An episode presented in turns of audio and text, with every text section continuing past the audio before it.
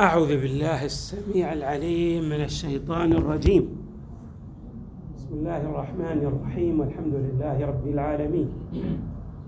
والصلاة والسلام على أشرف الخلق سيدنا ونبينا محمد وآله أجمعين الطيبين الطاهرين. قال الله تبارك وتعالى في القرآن الكريم شهد الله أنه لا إله إلا هو والملائكة وأولو العلم. والملائكة وأولو العلم قائما بالقسط لا إله إلا هو العزيز الحكيم. الآيات القرآنية التي تتحدث عن توحيد الله وكذلك السور بعد. كسورة التوحيد. هي آيات متعددة وكثيرة. وكذلك أيضا الروايات التي جاءت في توحيد الله تبارك وتعالى. أيضا متعددة وكثيرة. بعض الخطب لمولانا أمير المؤمنين عليه السلام. نجد أن تلك الخطبة تحتوي على مقاطع متعددة كلها في توحيد الله. مثلا في نهج البلاغة نجد أول الدين معرفته وكمال معرفته الإخلاص له وكمال الإخلاص له توحيده وكمال توحيده نفي الصفات عنه. لشهادة كل صفة أنها غير الموصوف ويسترسل الإمام عليه السلام لتبيان معالم التوحيد الخالص والدقيق على وفق ما جاء في القرآن الكريم. أيضا الروايات تؤكد على توحيد عملي. يعني لا يكفي للإنسان أن يفقه التوحيد من الناحية النظرية. هناك من يعلم أن الله تبارك وتعالى هو الواحد الأحد الفرد الصمد الحي القيوم. ولكن هذا لا يكفي نظريا. لا بد للمؤمن أن يحقق التوحيد في عمق ذاته. وفي كنه وجوده. وقد وردت أيضا طائفة من الروايات تبين لنا الخطوات العملية لتحقيق التوحيد العملي. الإنسان كيف يصبح موحدا عمليا؟ يعني يدرك معاني وما بكم من نعمة فمن الله. يدرك معنى ومن يتوكل على الله فهو حسبه. يدرك معنى أن جميع الأمور بيد الله تبارك وتعالى ولا مؤثر في الوجود إلا الله تبارك وتعالى. كل هذه المعاني كي تدرك من الناحية العملية يحتاج المؤمن أن يخطو خطوات. والأئمة من أهل البيت عليهم السلام. الأئمة يعني وردت عنهم روايات متعددة وكثيرة. كل هذه الروايات تدور في فلك إعطاء المؤمن خطوات عملية كي يصبح موحدا من الناحية الحقيقية ليس موحدا من الناحية النظرية. توحيد النظري كما قلنا قد الإنسان يوحد الله تبارك وتعالى يعني يدرك بالأدلة أن الله هو الواحد الأحد ولكن في واقعه ليس بموحد مثلا يتكل على الأسباب ويرى أن الأسباب مؤثرة باستقلال من دون الله تبارك وتعالى. هذا ليس بتوحيد عملي. في شهر رجب وهو شهر مولانا أمير المؤمنين. آه الإمام أمير المؤمنين. نطلق عليه هذا الوصف.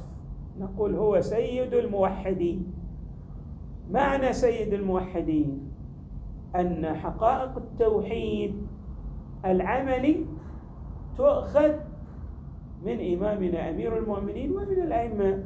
من أهل البيت هم ترجمان القرآن أي الذين يوضحون حقائق التوحيد من الناحية العملية.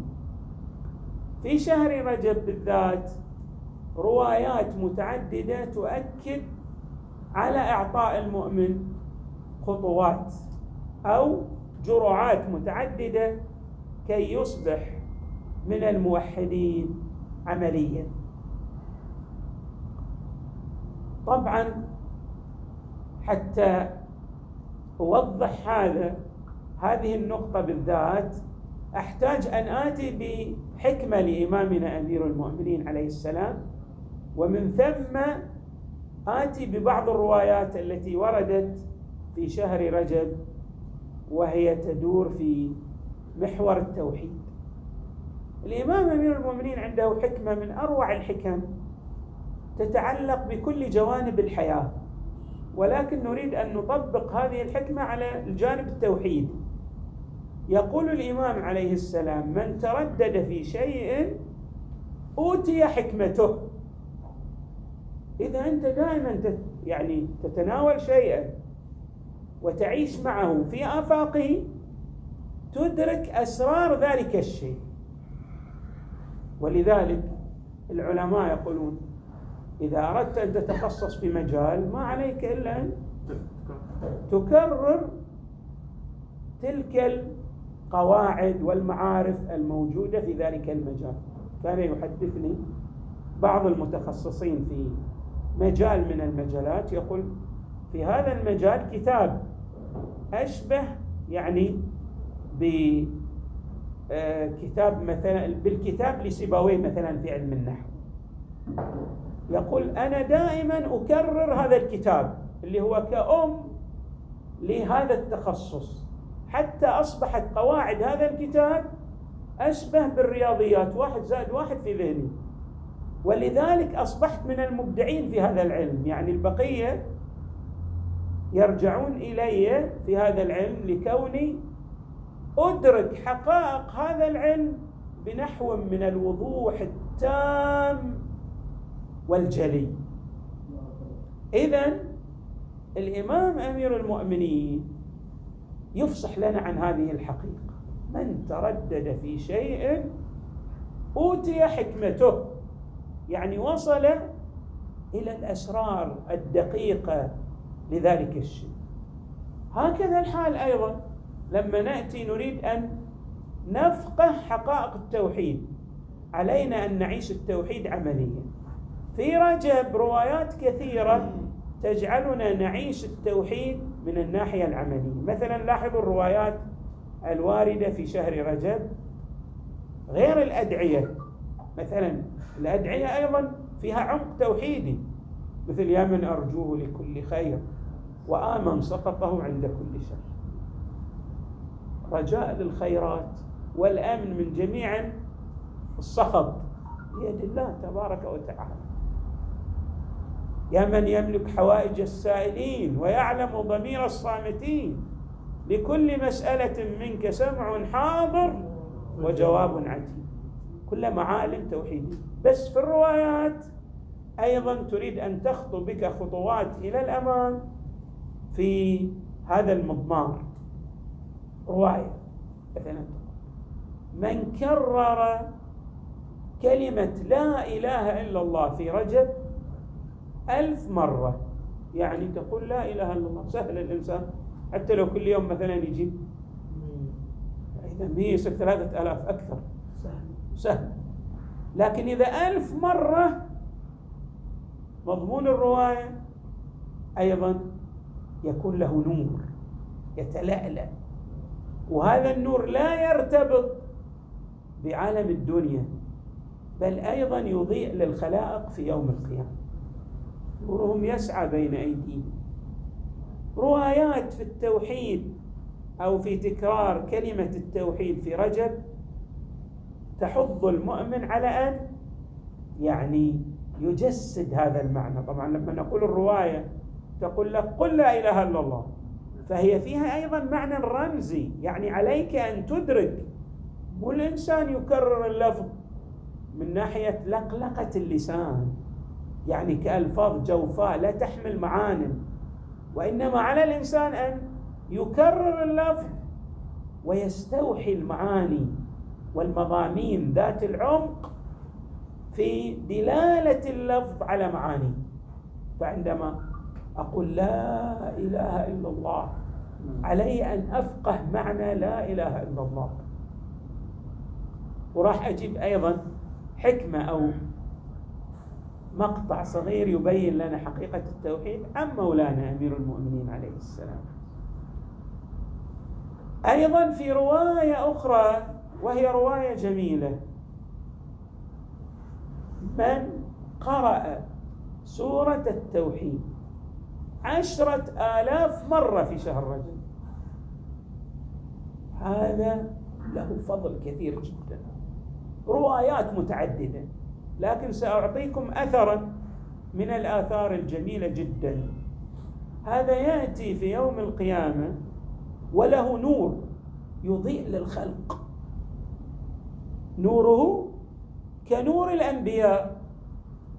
وبالطبع أعود عودا على بدء الإنسان ليس فقط أن يكرر سورة التوحيد دون أن يفقه مثلا بعض المعاني الموجودة عليه أن يفقه كل المعاني الموجودة في السورة.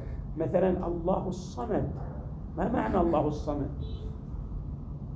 الصمد تحتوي على معان دقيقة. مثلا الصمد الذي لا جزء له لا يتكون من أجزاء لأن الله تبارك وتعالى ليس له أجزاء حتى يحتاج بعض أجزائه إلى بعضها الآخر. الصمد هو الغني المطلق. الصمد هو الذي يلجأ غيره إليه ولا يرجع هو إلى غيره. شوفوا هذه بعض معاني الصمد. وردت رواية عن إمامنا الباقر.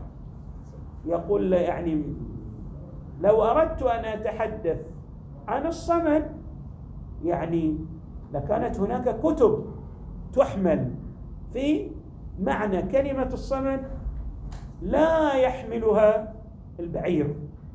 يعني كأن مكتبة عامة تتحدث بس عن كلمة المعاني الدقيقة في كلمة الصمد هذا يوضح لنا أن هناك عمق توحيدي في سورة التوحيد. وحتى ورد أيضا رواية عن إمامنا زين العابدين عليه السلام أن الله تعالى يعلم بأنه سوف يأتي خلق تتكا يعني يصلون إلى مراحل من الإدراك العقلي. فأنزل الله تبارك وتعالى على نبيه سورة التوحيد. لما فيها من عمق المضامين. المهم أن على المؤمن أن يغتنم ما جاء من روايات في فضائل هذه الأعمال. في هذا الشهر العظيم شهر رجب عشرة آلاف مرة. بس واحد يقول أنا ما أقدر آتي بعشرة آلاف مرة. الروايات أيضا خففت. اللي ما يقدر تقول له آتي إيتي ائتي ب مئة مرة. قراءة سورة التوحيد في يوم الجمعة وسيكون لك نور في يوم القيامة يجرك إلى الجنة. يعني راح يصير هناك جذب لوجودك إلى الله تبارك وتعالى في عالم الآخرة. مئة مرة هذه سهل الإنسان يقرأها في يوم الجمعة. علينا يا أخوة الإيمان أن نمارس بعض الأعمال المستحبة التي تقربنا إلى الله. في شهر رجب هناك أعمال متعددة مستحبة. منها ما يتعلق كما أشرت بالتوحيد العملي وهو يفيدنا في عالمي الدنيا والآخرة والأهم في عالم الآخرة مثل الرواية التي تقول يعني يكون لنا نور يضيء إلى الخلائق أو نور يجرنا إلى جنات النعيم. كل هذه معان عظيمة وكبيرة. توحيد العملي اللي قلت سآتي بحكمة تفصح لنا عن المع... المعنى الدقيق للتوحيد. الإمام أمير المؤمنين يشرح التوحيد والعدل في حكمة واحدة ذات كلمتين يقول التوحيد أن لا تتوهمه والعدل أن لا تتهم. إذا أردت أن تصل إلى المعنى الدقيق لتوحيد الله لا تتصور أن الله يدركه وهمك. لأن الله حجب العقل فضلا عن الوهم أن يدرك كنه ذاته ولا يحيطون به علما. يقول الحق تبارك وتعالى في القرآن الكريم يعني نحن لا ندرك كنه الذات ولكن ندرك أن جميع الخلائق ترتبط بهذا الإله الواحد الأحد الفرد الصمد الحي القيوم. الذي لم يتخذ صاحبة ولا ولدا ولم يكن له شريك في الملك ولم يكن له ولي من الذل وكبره تكبيرا. نسأل الله تبارك وتعالى وسلم على محمد نسأل الله تبارك وتعالى أن يجعلنا وإياكم من الموحدين السائرين على هدي محمد وعلي وآلهما. وصلى الله وسلم وزاد وبارك على سيدنا ونبينا محمد وآله أجمعين الطيبين الطاهرين. اللهم صل وسلم على محمد وآله